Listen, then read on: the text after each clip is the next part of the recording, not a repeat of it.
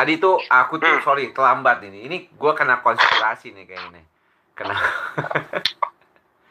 kena mari konspirasi. Ah, konspirasinya ini eh, anak-anak nggak mau tidur. Itu elit global juga berarti ya. Ini elit global. Ini ini apa? Konspirasi itu adanya di mana-mana. Tapi eh, kita nih mau ngomongin eh, menarik sekali.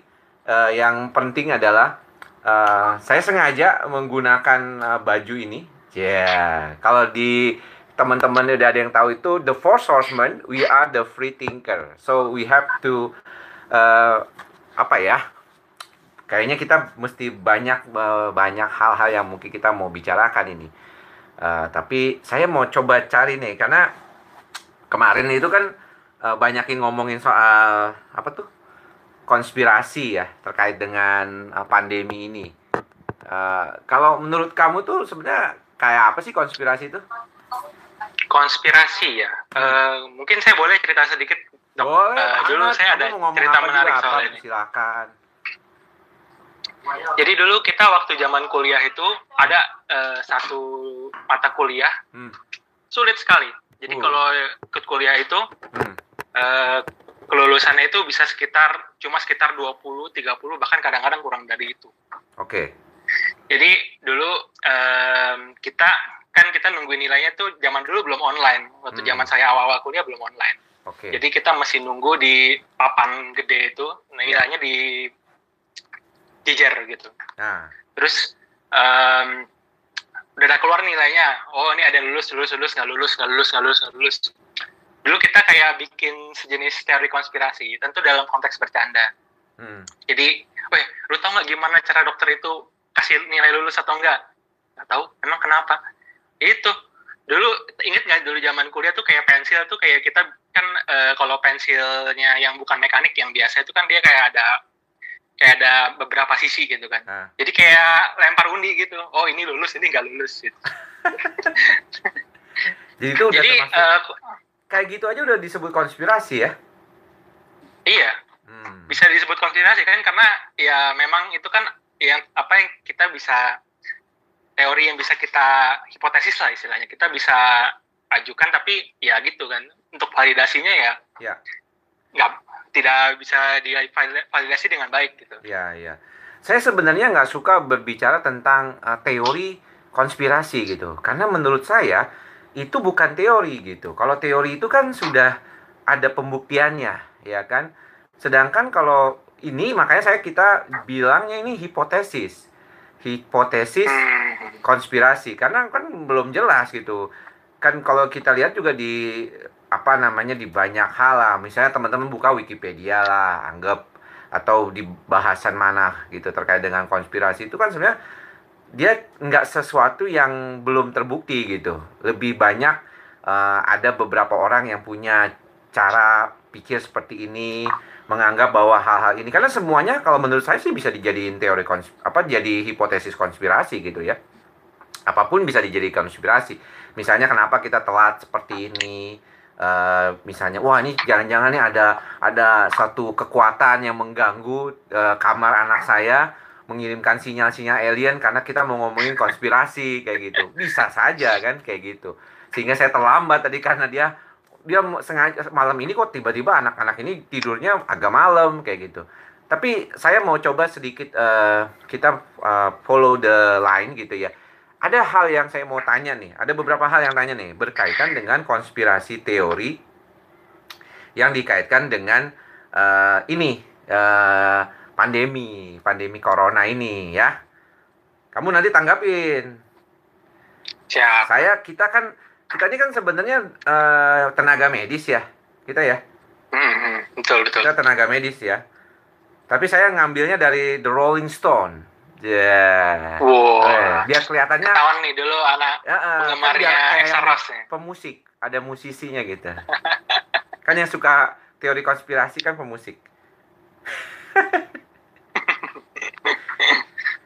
ini dia dia dia bilang di sini ya di Rolling Stone tuh memang bilang sih memang nomor satu teorinya itu adalah the government introduced the coronavirus in 2018 and Bill Gates was also somehow responsible. Wow, Nah, kenapa ya? Kalau menurut kamu tuh kenapa ya uh, Bill Gates itu jadi seorang yang disebut-sebut sebagai uh, punya keterikatan dengan keadaan ini gitu?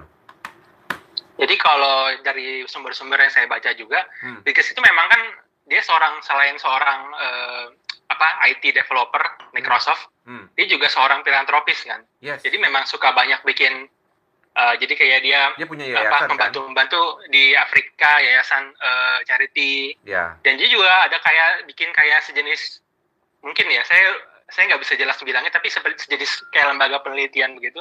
Hmm. Nah dia pernah bikin salah satu itu tentang coronavirus. Oh ya? Nah pernah. Hmm. Tapi coronavirus kan itu kalau dari ilmu mikrobiologi luas sekali gitu. Betul. Maksudnya ya ya coronavirus juga kalau uh, secara epidemiologi kapan flu, Betul. coronavirus itu bertanggung jawab di sekitar 30 sampai 40 persen kasus. Hmm. Jadi uh, cuma ini coronavirus yang lagi hits ini memang jenisnya beda gitu. Iya iya iya. Apa ya kalau itu Jadi bukan mungkin, COVID ya apa namanya? SARS-CoV-2 ya kalau nggak salah ya? Iya kalau itu apa? Uh, kayaknya sih kalau di secara lebih ilmiahnya SARS-CoV-2 sih. Iya. Kalau teman-teman mikrobiologi UI bilangnya SARS-CoV-2. Betul. Jadi COVID-19 itu kan maksudnya COVID 2019 ya kalau nggak salah itu ya dikaitkannya ya. Wah saya nggak tahu. Kayaknya sih bukan deh. Kayaknya waktu itu pernah ada yang bukan. bahas tapi sepertinya 19 tuh punya punya angka yang lain tuh bukan Wah, tahun 2019. Saya ngomong aja salah aja kayaknya ya. Jadi tapi menarik itu. Katanya dari 2015 saya pernah dengar ada cerita bahwa Bill Gates sudah pernah uh, menjelaskan bahwa kita tuh harus hati-hati sama uh, virus gitu. Jadi kita tuh harus hati-hati terhadap virus gitu. Uh, kenapa tuh jatuh tuh? tuh? Ada apa tuh? Iya. Konspirasi. Penyangganya. Jadi 2015 bilang katanya kita harus hati-hati gitu terhadap itulah makanya uh, kenapa muka kamu kenapa jadi gelap gitu? Oh iya, cahayanya kurang. Cahayanya kurang ya. Nah, yang tadi udah bener tuh tadi. Nah, nah agak gelap okay. juga sih masih.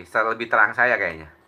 oh, Oke. Okay. Nah, 2015 itu kenapa jadi lebih orang melihat bahwa itu katanya udah pernah diungkapkan padahal dia cuma ngomong begitu kan. Makanya nanti ke depan kita akan lebih banyak berhadapan dengan bukan nuklir yang harus kita takuti tetapi virus. Makanya dia bilang tuh dia bikin yayasan-yayasan kayak gitu kayak gitu. Tapi kan kalau begitu kan bukan berarti ini ya. Maksud saya saya pernah dengar Sam Harris pernah bilang ya uh, Yuval Noah Harari berbicara dengan Sam Harris masalah AI artificial intelligence. Mereka itu dua orang yang sangat tidak terlalu uh, merasa bahwa AI ini adalah sesuatu yang bisa malah membuat nantinya tuh manusia tidak akan berpikir secara apa adanya lagi kayak gitu. Walaupun memang Sam Harris kan di dalam beberapa uh, podcast maupun tulisannya mengatakan bahwa dia bukan seorang yang percaya adanya free will. Jadi menurut dia ini semuanya kita apa yang kita lakukan ini semuanya sudah ada tujuannya, sudah di di apa di leading oleh sesuatu kayak gitu. Karena tentunya nggak gampang gitu. Uh, misalnya kayak sekarang, aku nih kalau baca uh, ini, baca ini pakai Amazon, pakai Kindle ya. Uh, ada dua, aku punya Kindle. Uh, Kindle ini satu lagi, satu lagi. Kindle itu kan Amazon, tapi dulu kan Amazon dikenal cuma jual buku, gitu. Terus kemudian kalau jual buku, lama-lama uh, dia bikin Kindle, Alexa. Terus sekarang kalau menurut Yuval dia bilang kalau kita baca sesuatu uh, dia kemudian akan lagi nanti ke depannya akan mencoba memberikan eh, rujukan-rujukan gitu. Jadi kayak ih kok kayaknya tiba-tiba kita dikasih tahu ini, dikasih tahu ini gitu. Bahkan nanti katanya uh, si Yuval bilang dan Sam Harris juga pernah bilang bahwa nanti di alat-alat ini itu akan dipasang suatu alat yang buat bisa melihat muka kita. Sehingga ketika kita baca ini gitu ya, ataupun kita menggunakan misalnya handphone ini, itu ketika kita baca kita merasakan ter apa ikut dalam uh, berita tersebut ataupun terikut dalam novel yang kita baca atau cerita yang kita baca itu akan lihat biometriknya dia akan masuk gitu ke AI data di Amazon itu dan kemudian dia akan olah nanti dia akan keluarkan dalam bentuk apa yang kita mau rujukan apa kayak gitu jadi ekspresinya itu akan terlihat dan nanti kita akan di apa tahu-tahu kita nanti tiba-tiba kita bisa ngelihat sama orang punya pacar atau kita kalau yang jomblo mungkin status kita di media sosial nanti tiba-tiba ada yang ngajak kenalan gitu. Jadi hal-hal kayak gitu tuh udah udah lama dibicarakan sama Sam Harris gitu ya. Yuval juga waktu bukunya yang uh, Homo sapiens gitu. Jadi uh, menurut saya sih sebenarnya teori itu akan selalu ada gitu. Walaupun mungkin kalau kita bicara tentang teori konspirasi orang akan berpikirnya itu ada apa tuh? Yang paling terkenal tuh apa? Freemason ya? Oh Illuminati. Illuminati Illuminati gitu. Nah kalau dari sisimu gimana Ardian? Um, kalau saya sih ngelihat teori konspirasi itu memang sebenarnya berangkat dari ketidakpercayaan. Jadi kalau mungkin uh, dokter Ari pernah nonton uh, apa tuh yang uh, wawancaranya beli jering ah. sit sit Superman is dead nah Huh? Dia selalu menekankan saya tidak percaya dengan WHO, saya tidak percaya dengan ini, saya tidak percaya dengan itu. Uh. Dia jadi uh, menurut saya sih itu uh, teori konspirasi bergerak dari satu kalimat itu saya tidak percaya. Jadi dia akan mencari uh, hmm. kebenaran yang lain hmm, hmm, atau ya hmm. kepercayaan yang lain yang bisa yang lebih masuk dalam hmm. uh, pemikirannya dia. Hmm, hmm. Menurut saya sih lebih ke arah situ ya. Dan memang kalau memang kita lihat ya teori konspirasi pasti memang semuanya itu kan memang dalam tanda kutip nyeleneh gitu. Hmm. karena ya mereka mencari alternatif uh, kebenaran apa ya gimana ya? Hmm. alternatif reality dari satu satu kejadian gitu. Jadi uh, resminya seperti apa mungkin mereka nggak percaya akhirnya mereka akan mencari uh, reality yang berbeda gitu. Akhirnya ya kalau kita lihat memang teori konspirasi itu ya memang sebagian besar nyeleneh gitu. Jadi artinya dia tuh tidak melihat bahwa keadaan itu sebagaimana apa adanya sekarang dan mencoba mencari alternatif lain kayak gitu. Kalau ya kalau waktu itu saya baca beberapa buku dan nonton beberapa wawancara dari ahli sosiolog, hmm. mereka sih bilang kurang lebih seperti itu gitu. Hmm. Jadi kalau misalnya uh, masalah kayak misalnya nih uh, masalah konspirasi dari corona ini ya mungkin kalau di di runut-runut ya mungkin ketidakpercayaan terhadap WHO. Jadi seperti kata beli jaring juga gitu. Oh. Jadi bahwa dia merasa bahwa kondisi sekarang ini tidak sama dengan apa yang dia pikirkan. Tapi kalau misalnya kita bilang percaya nggak percaya kan gimana tuh? Iya, tapi uh, memang susah sih sebenarnya. Hmm. Karena kalau uh, masalah apa yang diyakini, keyakinan kan susah gitu. Hmm. Kalau kita istilahnya kan kalau ilmu kedokteran jiwa, misalnya kalau misalnya kayak kata waham gitu, keyakinan yang tidak terbantahkan gitu. Nah, ya mungkin ini nggak sampai level waham, tapi memang sulit gitu. Karena ini masih ngomongin keyakinan. Kalau udah yakin ya susah hmm. gitu kadang-kadang. Iya, iya. Kita kadang-kadang tidak tidak cukup besar hati supaya bisa ngakuin itu atau ya dia benar-benar udah nggak percaya sama sekali gitu. Hmm. Ya ya ya ya ya tapi apakah memang kondisinya seperti itu? Eh, sebentar ya tolong bisa ke kamar bentar. Kalau misalnya kondisinya seperti itu nggak misalnya? Keadaan itu misalnya Baik. kalau misalnya terus-terusan terjadi kan bisa aja kayak gitu terus ya. Akan bolak balik bolak balik kayak gitu. Mm -mm. Saya sorry, ya. ini ada gangguan. Sebentar aja, sebentar. Ini saya ada gangguan. Ini kayaknya banyak gangguan kita nih. jadi jadi nggak konsen saya. Konspirasi. Konspirasi teori. Sorry, sorry sebentar. Uh, iya. Iya, udah deh, udah ada. Ya udah, tutup. jadi pintu anak Tutup anak, dulu. Oke, okay, Anak saya masih ngebuka pintunya tadi. Saya kira ini makanya saya minta tolong istri saya, saya daripada keluar nanti gua ketahuan gue pakai celana pendek lagi. eh tapi kayaknya tadi gini. Kamu tadi nyebut-nyebut soal waham. Ya kan? Uh, ya. kita juga dulu waktu di kedokteran jiwa kamu juga pasti pernah menemukan adanya orang-orang yang percaya teori teori konspirasi. Dalam artian bener-beneran dia merasa bahwa uh, dia itu um, pernah ngelihat alien gitu. Dia pernah melihat uh, sesuatu atau dia punya uh, keinginan atau bahkan yang yang paling dekat aja. Dia merasa teman-temannya curiga gitu ya uh, keluarganya oh, iya, iya. tetangganya iya. itu biasanya melihat seperti itu tapi itu kan sesuatu yang misalnya kalau kita bilang di dalam ilmu kedokteran jiwa yang tadi kamu bilang itu waham tapi saya nggak merasa tuh adanya orang-orang yang uh, melihat gitu bahwa kondisi-kondisi yang diomongin sama orang-orang tersebut mereka ini kan bukan bukan bukan berwaham orang-orang pinter semua orang-orang yang sehari-hari juga punya uh, punya kerjaan yang cukup bagus gitu gimana tuh Hmm, tapi kalau dari balik lagi ke definisinya ya keyakinan waham adalah keyakinan yang tidak terbantahkan terhadap sebuah realita yang tidak nyata. Gitu. Hmm. Nah mungkin ya sebenarnya sih kalau dulu diajarkan di kampus ya gimana caranya kita membedakan waham dan bukan waham kita coba goyang keyakinannya dia gitu. Iya. Jadi uh, mungkin seperti apa keadaan-keadaan sekarang teori konspirasi ya mungkin kalau kita goyang dengan kita apa goyang keyakinannya dengan uh, cukup intens mungkin dia akan goyang juga gitu. Tapi memang kalau memang mau benar-benar tahu ya kita harus bisa buktikan itu semua gitu. Kita goyang wahamnya dengan eh, fakta-fakta yang ada yang saintifik istilah istilahnya. Hmm. jadi kalau misalnya dikatakan bahwa anggaplah uh, dikatakan ini nih ada satu lagi nih yang yang sering diungkapkan ini yang berkaitan dengan uh, corona nih salah satunya adalah uh, dikatakan bahwa sebenarnya uh, ini tuh udah ada gitu vaksinnya, tapi belum dikeluarin sama pemerintah. ya kan? Nih di Rolling Stone ya di dalam there is a vaccine or cure for coronavirus that the government won't release.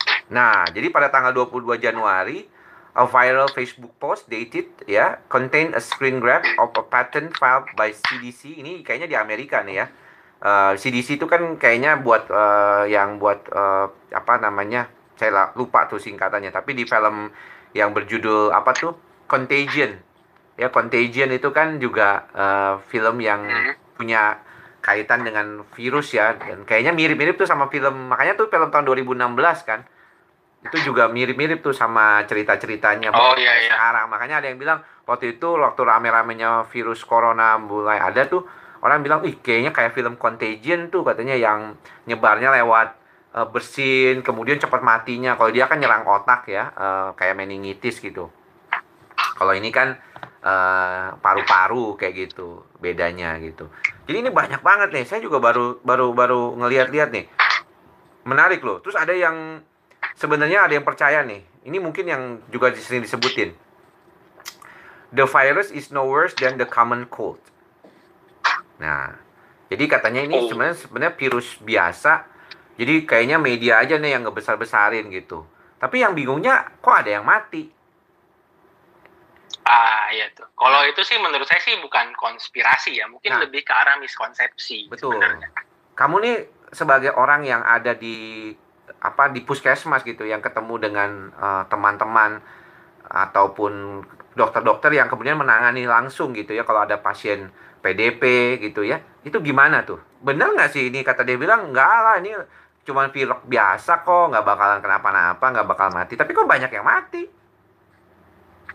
gimana? Iya ya gimana ya jadi gini corona ini masalahnya cuma masalahnya menurut saya sih satu yang paling berat Hmm. Jadi masalahnya itu adalah dia sangat menular. Hmm. Jadi uh, waktu itu kayaknya pernah di post di Fox ya kayaknya, mungkin Fox atau New York Times. Ya. Jadi uh, diperkirakan virus misalnya saya kena nih, jadi saya kemungkinan akan menularkan sampai 2 sampai tiga orang.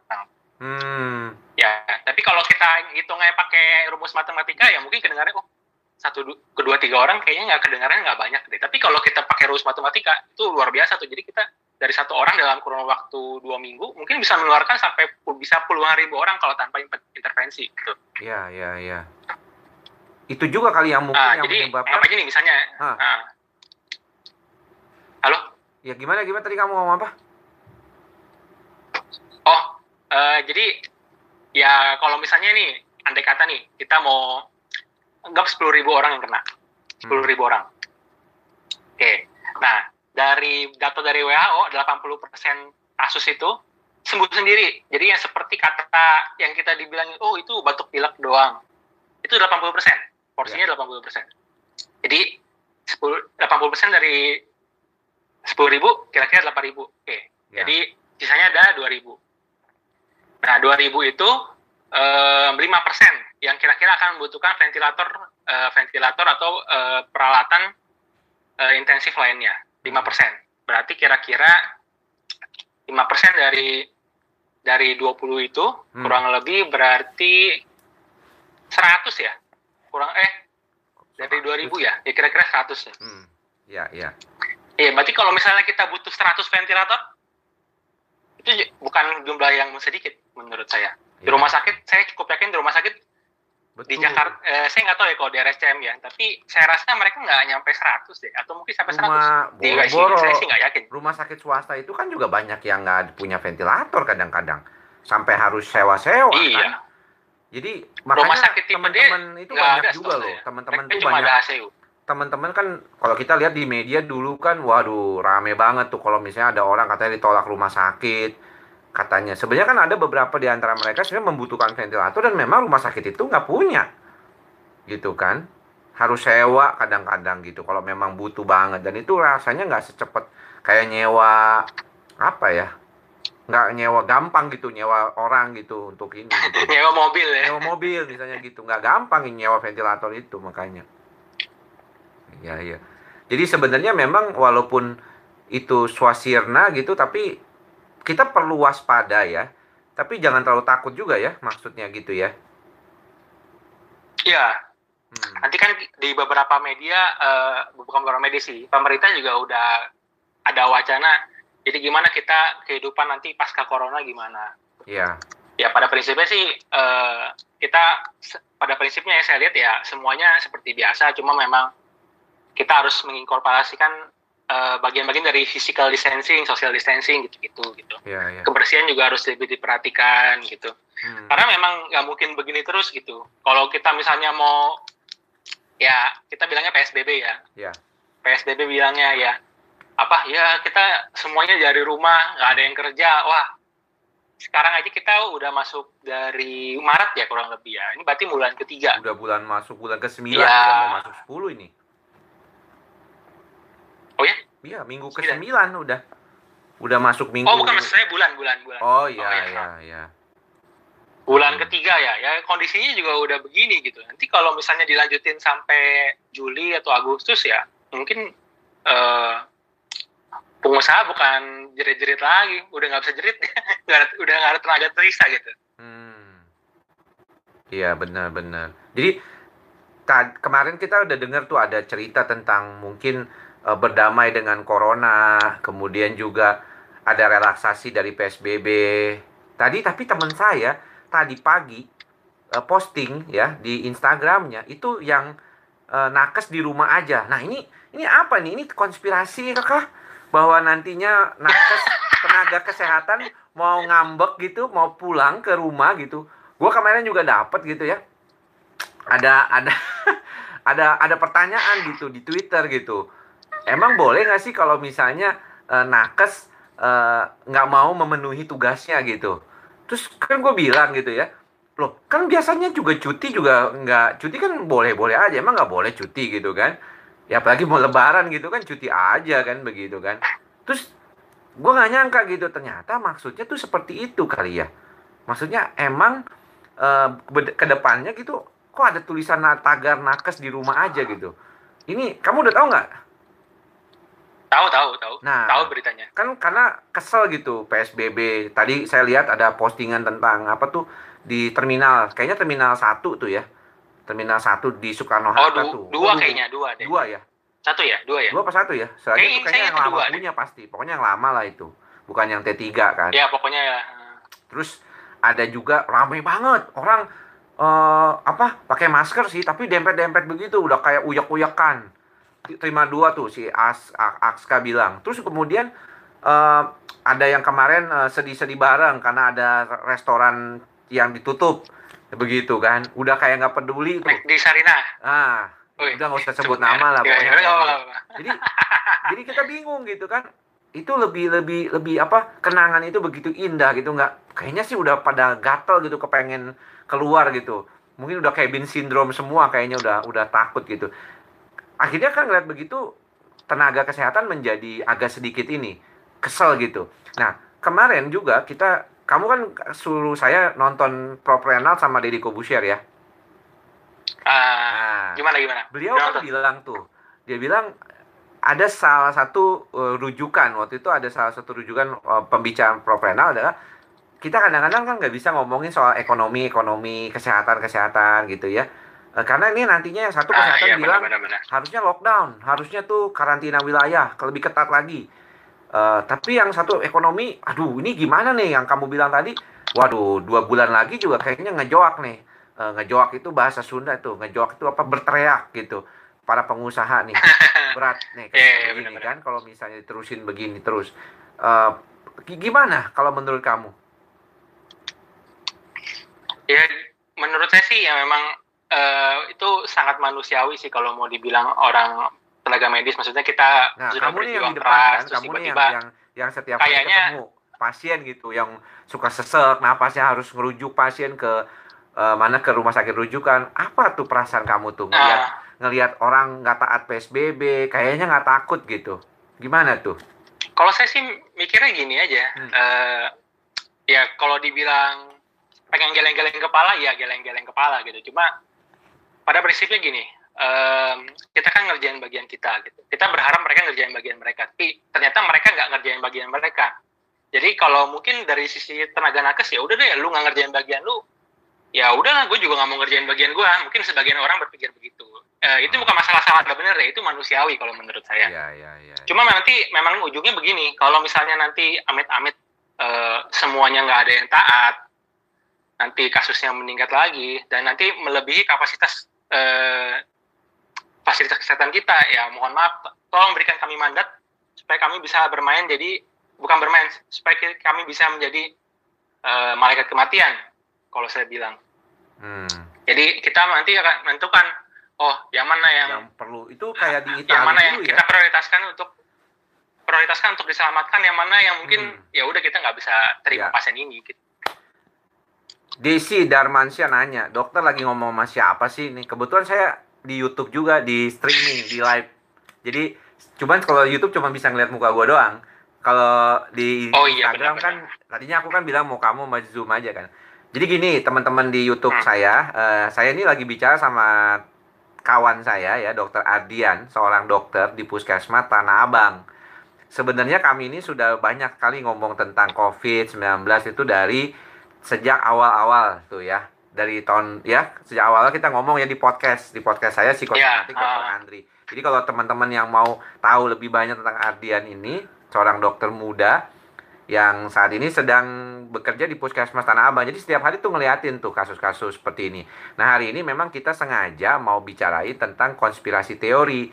Karena kan kita banyakin ngomongin teori konspirasi, tapi kayaknya saya nggak setuju disebut teori. Saya setujunya disebut hipotesis. Karena kadang-kadang nggak selalu terbukti gitu apa yang diomongin. Jadi kadang-kadang cuman oh gini di, di, di apa di dimungkin-mungkinkan aja gitu di apa di apa tuh namanya dicocok cocokan namanya cocologi katanya ya. Ada yang bilang begitu. Iya. Ya boleh lah otak atik otak atik gatuk. Gatuk. Ya, kalau orang Jawa.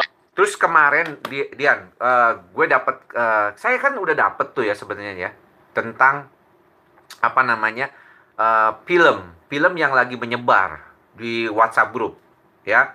Sepupu saya ngasih hmm. saya saya bilang gue udah nonton ini ya yang judulnya Plandemic. Ya Plandemic. Waktu itu saya setiap oh, iya, iya, uh, saya setiap uh. dia kasih tontonan Plandemic itu di WhatsApp grup di mana mana dikasih kan. Dokter-dokter juga banyak yang nyebarin tuh ya. Dia ngomong begitu terus aku langsung kasih uh, yang udah aku kasih ke kamu juga tuh. Uh, apanya? Hmm, iya iya uh, udah lihat udah lihat.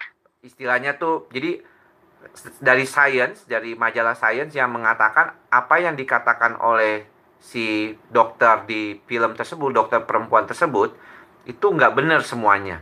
Maksudnya ada hal-hal yang mungkin nggak benar gitu. Dia pernah bilang mau dia di setup kemudian dia um, apa tuh lagi? Dia bilang masalah apa ya uh, oh dia menemukan sesuatu yang HIV AIDS kayak gitu kan Terus kemudian Oh iya iya. Uh, dia bilang dia pernah menemukan satu itu. Terus banyak hal-hal yang terus dia tuh ditanyakan apakah dia anti vaksin.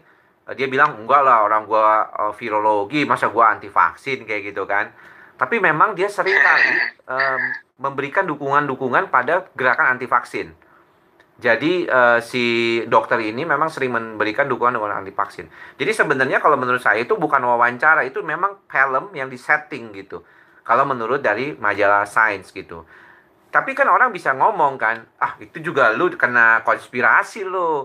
Jangan-jangan lu sendiri dikonspirasiin sama orang yang niatin itu gitu gitu. Jadi uh, apa yang yang kalau menurut kamu kok gimana tuh? Uh, sudah dokter-dokter aja tuh ada yang percaya loh. Kadang eh, dengan kondisi seperti konspirasi-konspirasi yang berkaitan dengan vaksin farmasi besar yang akan mempersiapkan. Ini karena semuanya orang berlomba menciptakan vaksin ya sekarang ini untuk siapa yang bisa nanti kita akan uh, dapat duit gede lah istilahnya kayak gitu. Sedangkan kita kita ini kadang-kadang kan ya ya yang kita melakukan ya setiap hari kerja aja gitu ya. Uh, cuman bisa apa tuh uh, berharap gitu keadaan ini akan menjadi lebih baik. Kalau dari kamu gimana? Ya jadi ya memang semua profesi itu rentan juga memang kena teori konspirasi gitu. Jadi hmm. dokter juga yang orang-orang bilang ah dokter kan pinter biasanya nggak bakal kena. Tapi ya mungkin aja kena nih. Kita mungkin kita aja ada yang kena ini. Ya dan tidak tertutup sama profesi lain gitu. Cuma yeah. pada prinsipnya sih memang yang paling penting adalah analytical thinking katanya. Jadi hmm. dari dari video yang dari post sama Tirto itu hmm. ada sosiolog bilang yang penting kita bisa punya critical dan analytical thinking. Hmm. Itu yang katanya paling uh, senjata dua senjata utama untuk menangkal uh, hoax lah, teori konspirasi atau hoax gitu. Hoax ya dan konspirasi teori ya. Hmm Hmm. Hmm, ya, jadi semuanya ya kita harus ya mungkin uh, kalau teori konspirasi mungkin pada prinsipnya itu adalah critical thinking gitu, pada prinsipnya ya. Yeah. Tapi ya tentu analytical thinkingnya mungkin kurang disiplin, masih kurang disiplin. Hmm. Ya, jadi mungkin ya analytical thinking sama critical thinking itu juga harus bareng gitu. Hmm. Jadi kalau salah satunya aja mungkin nanti hasilnya nggak akan maksimal gitu. Malah hmm. membingungkan kayak begini kan. Ya. Soalnya kalau dibilang memang makin banyak orang yang merasa mereka itu juga di satu pihak mereka tuh agak sedikit ini kan kayaknya kita tuh nggak kompak gitu ya. Yang kayak PSBB-nya itu juga kayaknya jadi ada yang udah kesel gitu. Ih gue udah di rumah gitu ya uh, udah ikut-ikutan dua bulan ke mana-mana disiplin gitu. Kok lu enak-enakan gitu pergi kayak seolah-olah nggak ada. Sehingga akhirnya kalau menurut saya hal-hal seperti ini juga menimbulkan suatu kesan bodoh amat deh kalau begitu gitu. Makanya ada istilah covidiot itu kan di mana orang itu jadi nggak peduli gitu dengan dengan keadaan. Mau bodoh amat mau covid ini jangan-jangan bener nih teori globalnya nih mengatakan bahwa elit global ini cuma buat nakut-nakutin doang uh, kita ini sebenarnya juga nggak kenapa-napa ditakut-takutin aja kayak gitu. Cuman kan saya pikir masa sih kita ditakut-takutin begitu seluruh dunia bisa ketakutan sama-sama gitu terhadap virus ini? Dan saya setuju tadi apa yang dikatakan oleh Ardian bahwa ini virus yang memang sangat menular kan? Maksudnya di situlah kita mengapa lebih hati-hati dibandingkan misalnya uh, eh, TBC gitu ya. TBC kan biarpun kita nggak tahu ya dulu kan gua sih sering ngeliat banget tuh orang ngeludah sembarangan di kendaraan umum waktu naik angkot di depan gua ngeludah gitu waktu zaman SMP SMA cuek aja gitu ya. Sampai masa kuliah juga naik uh, apa naik KRL dari Depok ke ke Salemba juga begitu kan diludah blut begitu ngeludah. Kayaknya kita dulu nggak terlalu gimana gitu. Nah tapi kalau menurut kamu apakah media ini punya peran memang membesar-besarkan kan banyak tuh katanya konspirasinya nih media ikut-ikutan nih apalagi media-media tertentu yang uh, gerakannya seperti ini gitu apa betul menurut kamu begitu kalau saya sih mikirnya ya ya mungkin husnuzon aja mikir bagusnya aja gitu. hmm. jadi pada prinsipnya ya jurnalisme itu kan jalan dari oh ya kita ingin memberitakan apa yang harus kita beritakan gitu. Iya. Ya masalah apa yang harus diberitakan mungkin bagi sebagian orang tuh ya beda-beda pendapatnya gitu. Betul. Menurut saya sih mereka sudah melakukan pekerjaan dengan baik. Hmm. Cuma masalahnya ya kalau misalnya mungkin pada akhirnya berita yang mereka sajikan itu akhirnya bikin orang takut, hmm. ya itu merupakan salah satu bisa dibilang apa ya side effectnya gitu ya mungkin nggak bisa kita terlalu salahin juga gitu. Tapi kalau dibilang framing, ya mungkin beberapa media ada yang framing, tapi ya pada prinsipnya sih mereka sudah melakukan pekerjaan dengan baik. Gitu. Hmm okay. memberitakan apa yang memang harus diberitakan gitu. Kalau kamu nggak tahu nah nanti repot juga gitu kan. Betul. Tapi ini memang kalau misalnya dilihat apakah karena begitu karena pasien saya itu memang juga jadi pada kambuh loh gara-gara dengerin berita corona terlalu banyak. Sehingga saya suka menyarankan kepada mereka please uh, lakukanlah hal yang perlu yaitu kurangi ya satu jam aja baca uh, virus corona itu ya satu jam aja sehari. Bukan berarti nggak boleh sama sekali tahu karena kalau nggak tahu sama sekali juga kita jadinya uh, apa nggak ketahuan gitu ya update-nya tuh kan nggak ketahuan. Tapi setidaknya kita untuk yang standar standar itu kan sebenarnya nggak banyak berubah ya. Dari awal kayaknya kayaknya nggak berubah tuh uh, cuma masker doang kayaknya yang berubah ya menurut saya ya. Ya dulu kayaknya itu dibikin, WHO cuma ya, yang buat sakit dibikin doang. lebih fleksibel aja lah gitu. Ah sekarang sekarang uh, boleh gitu uh, pakai masker pakai masker kain juga. Dulu kan harus pakai masker bedah sampai numpuk ditumpuk orang sampai nggak susah banget dapat masker kayak gitu ya. Sekarang kayaknya lebih murah ya. Saya lihat ada beberapa tempat jual masker bedah udah lebih murah. Nah sebagai dokter nih uh, ini kan kita nih kalau ngelihat banyak banget hal yang akan berubah ya di dalam proses ke depannya nanti tadi ngobrol sama teman pagi uh, waktu saya lagi makan siang gitu ya. Uh, si temen ini bilang ini kayaknya kita nanti akan setahun ke depan mungkin gue sih nggak berani katanya. Uh, periksa pasien nggak pakai uh, masker setidaknya. Ataupun Google lah apalagi kalau pasiennya nggak pakai masker gitu. Gue udah takut dan nggak bakal berani kayak gitu kan. Dan uh, apakah akan seperti itu menurutmu ke depannya sebagai dokter yang masih sangat mungkin sih sebenarnya hmm, hmm. sangat mungkin saya juga termasuk dokter yang nggak terlalu suka pakai masker sebenarnya. Jadi dulu wah kalau saya praktek ya, ya. berkaca lah setahun yang lalu gitu. Ya. Saya nggak pernah pakai masker gitu. Hmm. Uh, yang penting sih ya begitu cuci tangan. Yang penting setelah pakai cuci tangan terus kumur-kumur gitu. Saya ya. pikir sih begitu cukup juga. Cuma memang ya ini menyadarkan kita juga gitu. Kalau ternyata mungkin higienitas kita juga masih kurang gitu. Kalau memang sebaiknya kalau praktek apalagi pasiennya memang infeksius sebaiknya pakai masker memang. Ya ya mungkin ini lebih ke wake up call aja sih kalau saya bilang ya hmm. wake up call aja hmm. Hmm. Hmm. dan ini menarik nih sebenarnya kalau saya saya nggak tahu ya Dian ya uh, tapi kan sebenarnya urusan kesehatan itu bukan cuma covid sebenarnya ya tapi perhatian ah. kita saat ini dokter itu sangat terfokus pada penanggulangan covid sedangkan banyak sekali penyakit lain selain covid ya ribuan penyakit yang saat ini agak sedikit menderita nih gara-gara covid Contohnya kalau kita ke rumah sakit sekarang, di awal-awal waktu mulai ada COVID itu sebenarnya banyak in, apa ya himbauan dari teman-teman dokter penyakit dalam, semualah psikiatri termasuk salah satunya juga hampir semua spesialis menyarankan untuk tunda datang ke rumah sakit. Ya, tunda datang ke rumah sakit kalau emergency aja.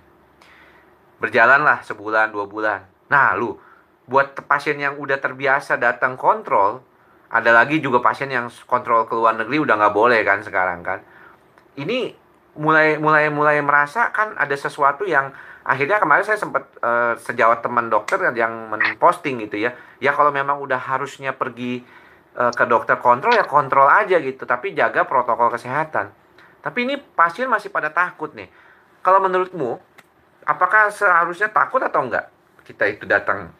Saya sih bikin tuh uh, bagaimana caranya supaya kita uh, kalau mau datang ke apa ke rumah sakit gitu ya pasien saya komentar dia bilang repot banget dok katanya segala pakai mandi keramas habisnya bes habis pulang dari sono kayak gitu tapi apakah ini ini dilematis kan di satu pihak ada orang yang harus kontrol datang ke rumah sakit tapi di lain pihak kok uh, susah begitu gimana? Hmm, gimana ya? Kalau saya akan menganalogikannya sebagai mungkin uh, kayak kita mengalami sakit seperti darah hmm. tinggi atau kencing manis. Ya mungkin sebelum misalnya kalau kencing manis ya misalnya, hmm. sebelumnya uh, kita kok makan, oh makan apa aja? Mau makan nasi sehari tiga empat kali makan, minum Coca Cola makan, hmm. uh, minum Coca Cola di minum minum aja gitu. Terus akhirnya kita ketahuan sakit gula. Hmm. Ya kita udah ketahuan sakit gula kan ya, mau nggak mau itu ke, kita harus merubah kebiasaan kita gitu. Ya.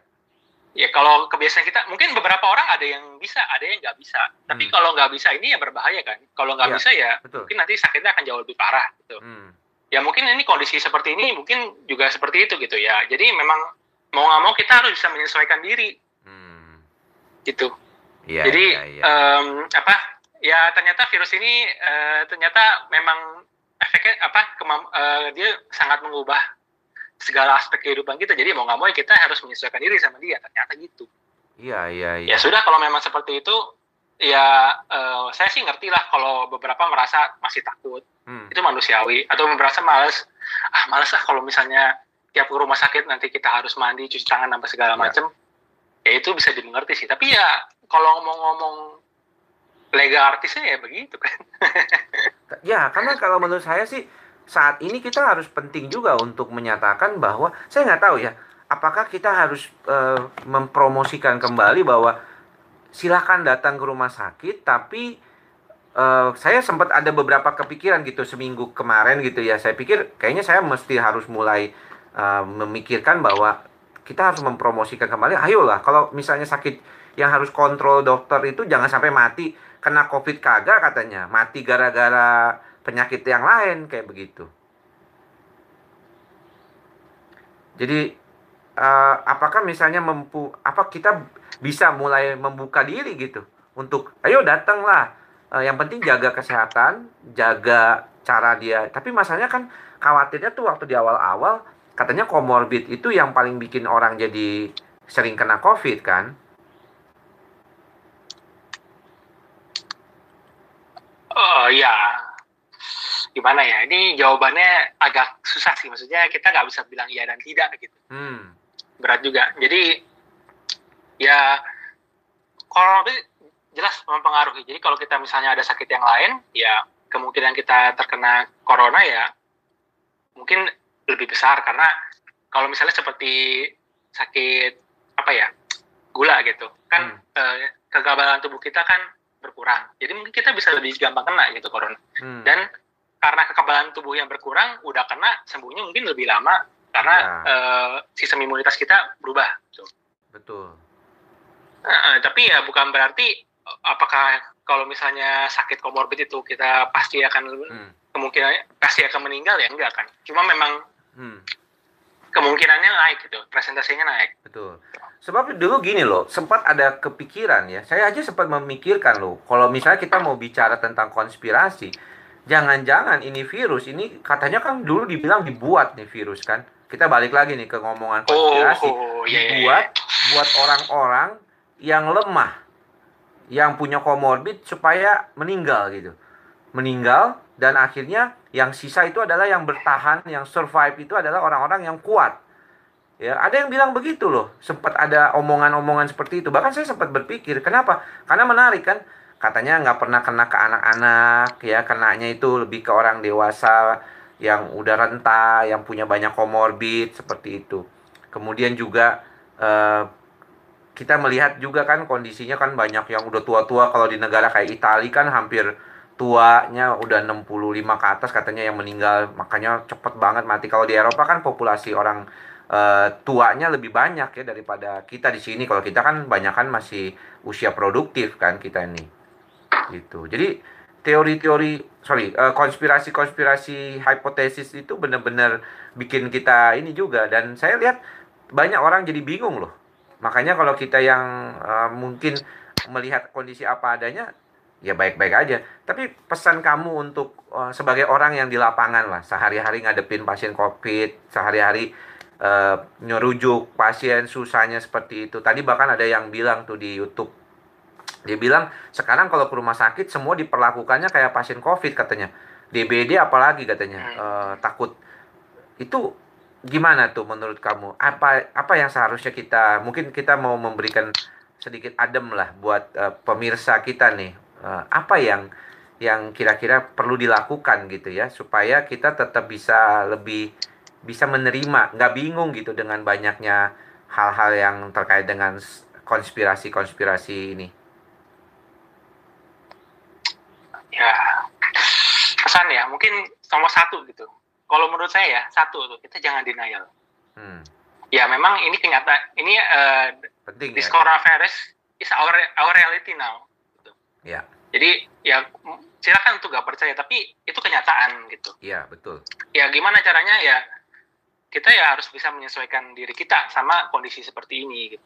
Ya kalau menurut saya nanti kita pasti akan eh, berusaha untuk normal kembali. Hmm. Pada tapi pada prinsipnya seperti yang kita lihat aja. Jadi eh, rekomendasi WHO aja. Jadi physical distancing, menggunakan masker, so- apa personal hygiene yang lebih baik gitu. Itu yang harus kita tingkatkan gitu. ya Masalah nanti oh ya eh, saat ini kan memang karena PSBB ya tidak di- tidak terlalu direkomendasikan untuk banyak-banyak keluar gitu. Kalau keluar yang penting-penting aja. hmm. Tapi ya nanti pasti ke depannya kan akan dilonggarkan kan. ya Akan ngikutin seperti itu gitu loh. hmm. Jadi menurut saya sih eh, nggak usah terlalu takut, tapi juga harus tetap waspada. iya hmm. Jangan terlalu takut sampai mikir yang macam-macam atau sampai berpikir eh, seperti inilah mencari mencari reality yang lain gitu.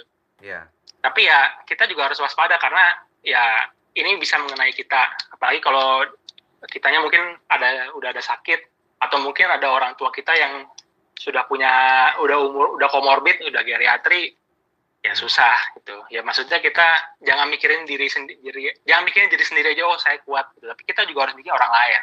Betul betul. Kita pernah bikin podcast bareng ya. Eh, andai kita kena covid 19 ya.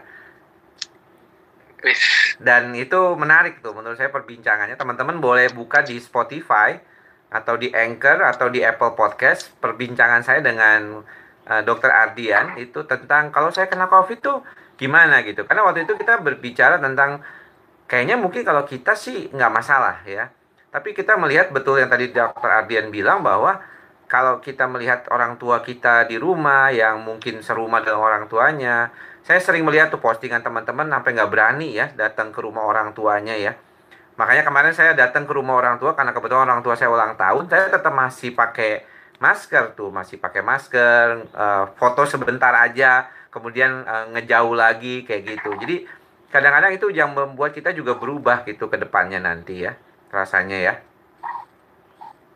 Tapi saya juga nah, udah lama nih ketemu sama saya gara-gara takut juga sebenarnya.